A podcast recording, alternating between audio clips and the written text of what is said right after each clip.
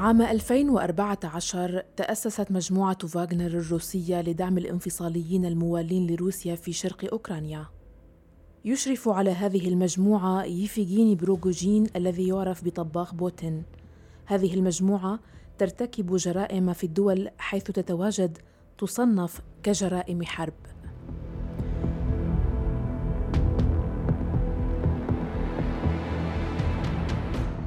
ما يجري في أوكرانيا قد يكون أكثر إجراما مما حدث في سوريا. ذلك ما أوحت به الصور التي وردت من بوتشا نهاية مارش آذار الماضي. عندما انسحبت القوات الروسية من تلك الضاحية القريبة من العاصمة الأوكرانية كييف تاركة خلفها علامات على احتلالها المميت ليراه العالم. هناك تناثرت الجثث في الشوارع تحولت المنازل إلى أنقاض فيما تحول حقل إلى مقبرة جماعية.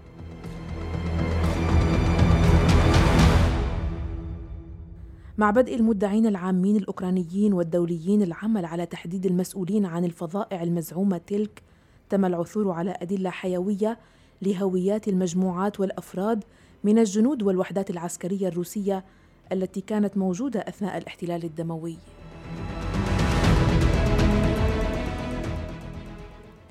فريق الصحافة الاستقصائية في أخبار الآن أجرى تحقيقا صحفيا حول تواجد الفاغنر في أوكرانيا وجرائمهم ذات النمط الواحد في إفريقيا والشرق الأوسط.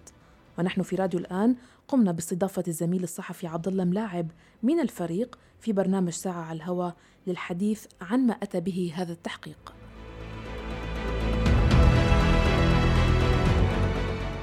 نعم. آه، مها آه، موضوع الفاغنر يلي هي طبعا شركة خاصة روسية ربما آه، تشكيلها بهذا الشكل هو التملص من الجرائم يلي عم ترتكبها لأنه هي بطبيعة الحال يعني تخدم القيادة الروسية تخدم الكرملين وأيضا جناح يعني إذا صح التعبير عسكري روسي يختلف عن الجيش. نحن بقسم الصحافة الاستقصائية بأخبار الآن. طبعا كنا من يعني السباقين بإلقاء الضوء على هذا الملف وهذا الموضوع منذ بدايته. يعني مثل ما ذكرت بالمقدمة تأسست هذه الشركة الروسية الخاصة تأسست عام 2014 وتحديدا تم تأسيسها لتأمين مقاتلين مرتزقة روس أولا في الميدان الأوكراني في دونباس. يعني كما يقال انطلقت من أوكرانيا وعادت اليوم يعني تعود إلى أوكرانيا. بحث الاستقصائي اللي قمنا فيه بقسم الصحافة الاستقصائية الزميل وسيم عرابي اللي هو يعني يرأس هذا القسم الزميلة نانسي سركيس وأنا كان هدفه معرفة هذه المجموعة هذه الشركة الخاصة التي تجند مرتزقة. هل هي فعلا موجودة على الأرض في أوكرانيا؟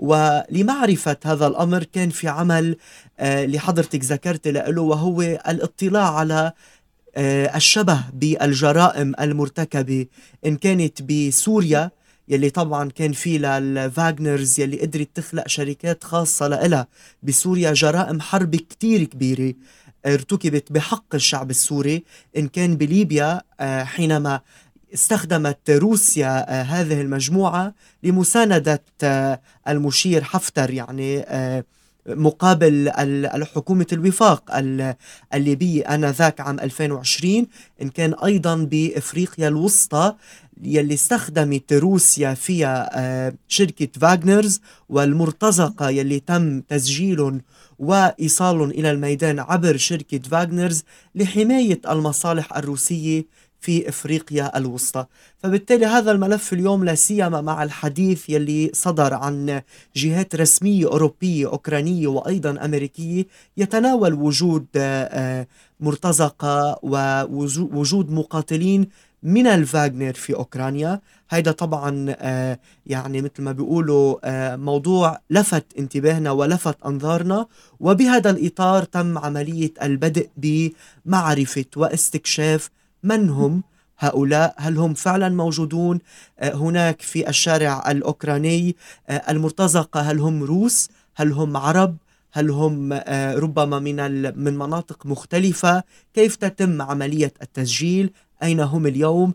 أين يتواجدون؟ وبهذا الإطار انطلق البحث يلي استمر يعني لأسابيع عديدة وقدرنا عبره أنه نوثق وجود الفاغنر وجود مرتزقة ومقاتلين من الفاغنر في الميدان الأوكراني لا سيما في بوتشا كما ذكرت وهي في ضواحي كييف لأنه بعد مغادرة أو بعد تحرير هذه الأرض وعودتها إلى أوكرانيا الصحفيين الميدانيين والتقارير الميدانية اللي نحن أيضا قدرنا أن نطلع عليها ونحصل عليها أظهرت تشابه كبير ووجه شبه بين ما ارتكب في هذه المدينة أو في هذه القرية وما ارتكب من قبل الفاغنرز والمرتزقة الذين تدعمهم روسيا. وهم ليسوا روس يعني بأغلبهم من جنسيات مختلفة في عدة مناطق مختلفة لا سيما في الميدان السوري وفي الميدان الليبي تحديدا السؤال اللي بيطرح نفسه معها إنه كيف قدرتوا تعرفوا أو نعم. نعم. كيف ممكن نعرف نحن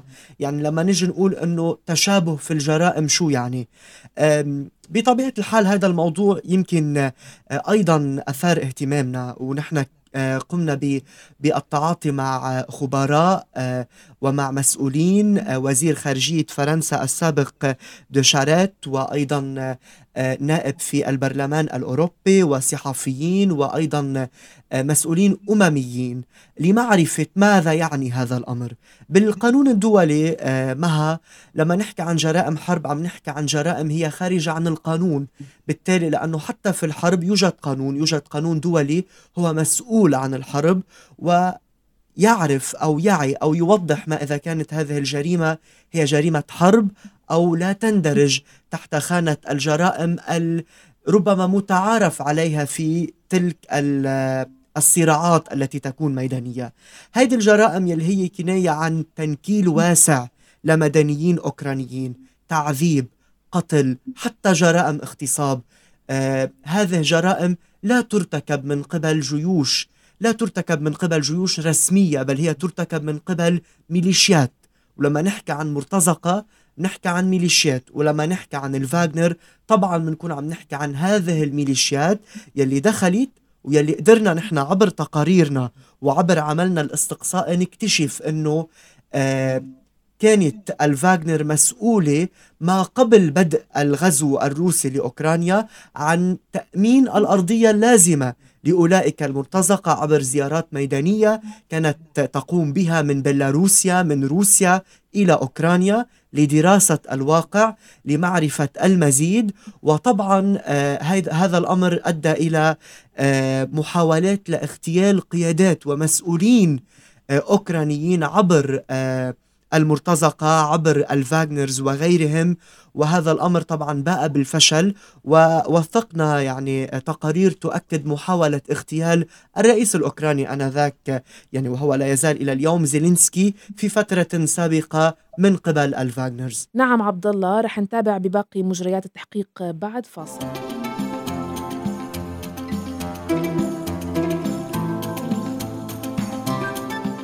أهلا عن جديد متابعينا ومستمعينا معكم مستمر الحديث عن أحداث التحقيق عن أحدث التحقيقات الصحفية آه، يلي أجراها قسم الصحافة الأستقصائية في أخبار الآن حول الفاغنر في أوكرانيا.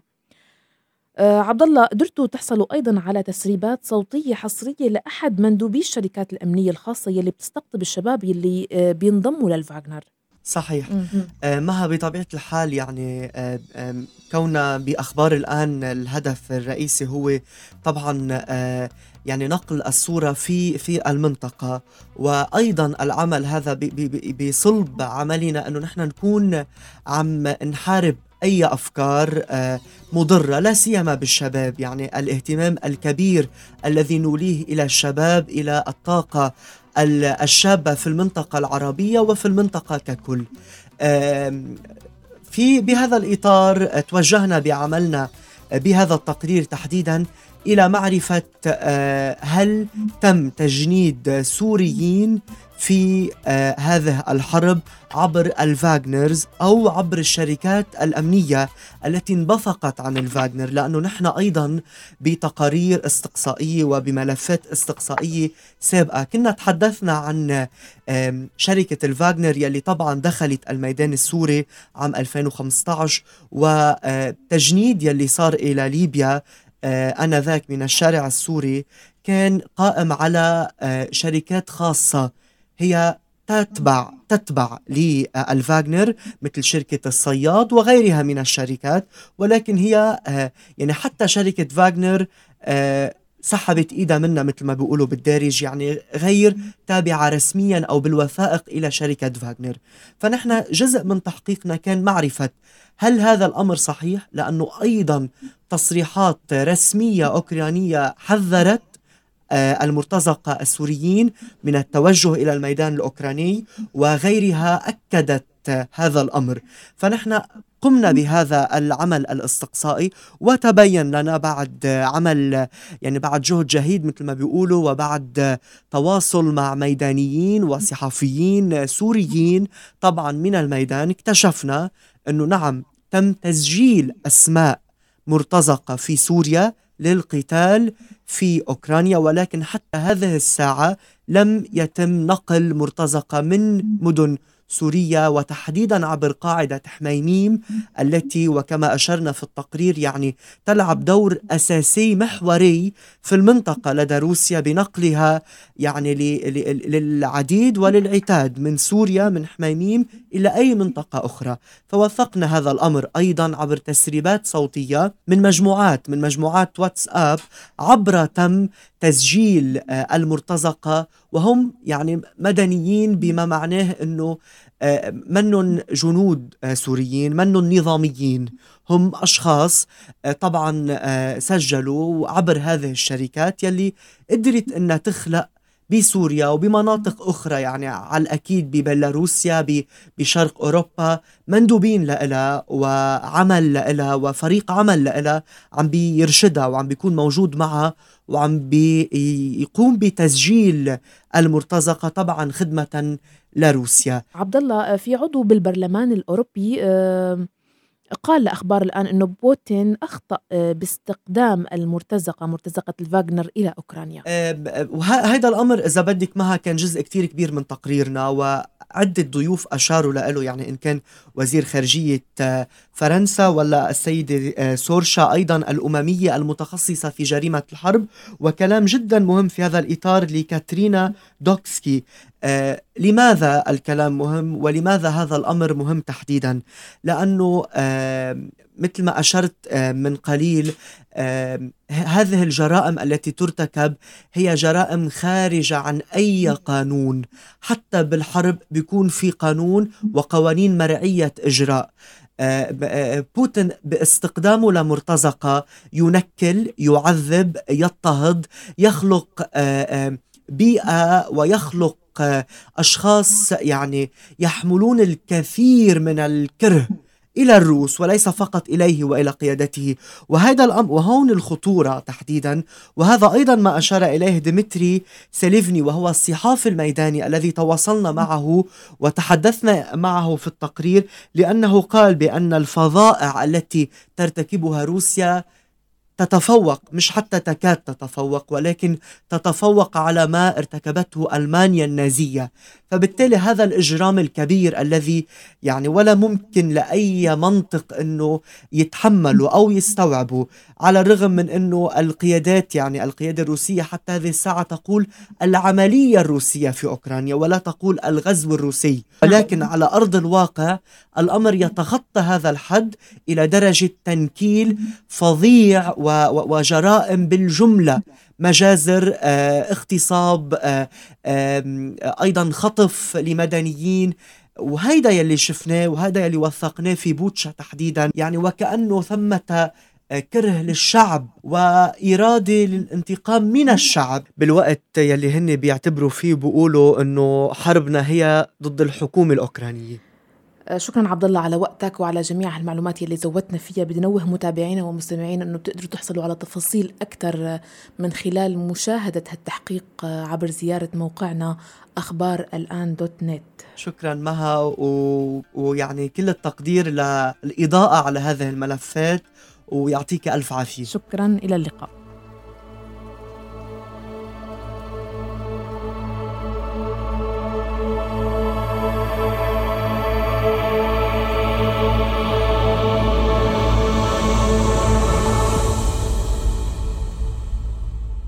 شكرا للاهتمام. يمكنكم الاستماع إلى بودكاست أخبار الآن عبر زيارة موقعنا أخبار الآن دوت نت وجميع منصات البودكاست.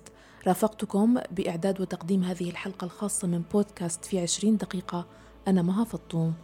دمتم بخير وإلى اللقاء.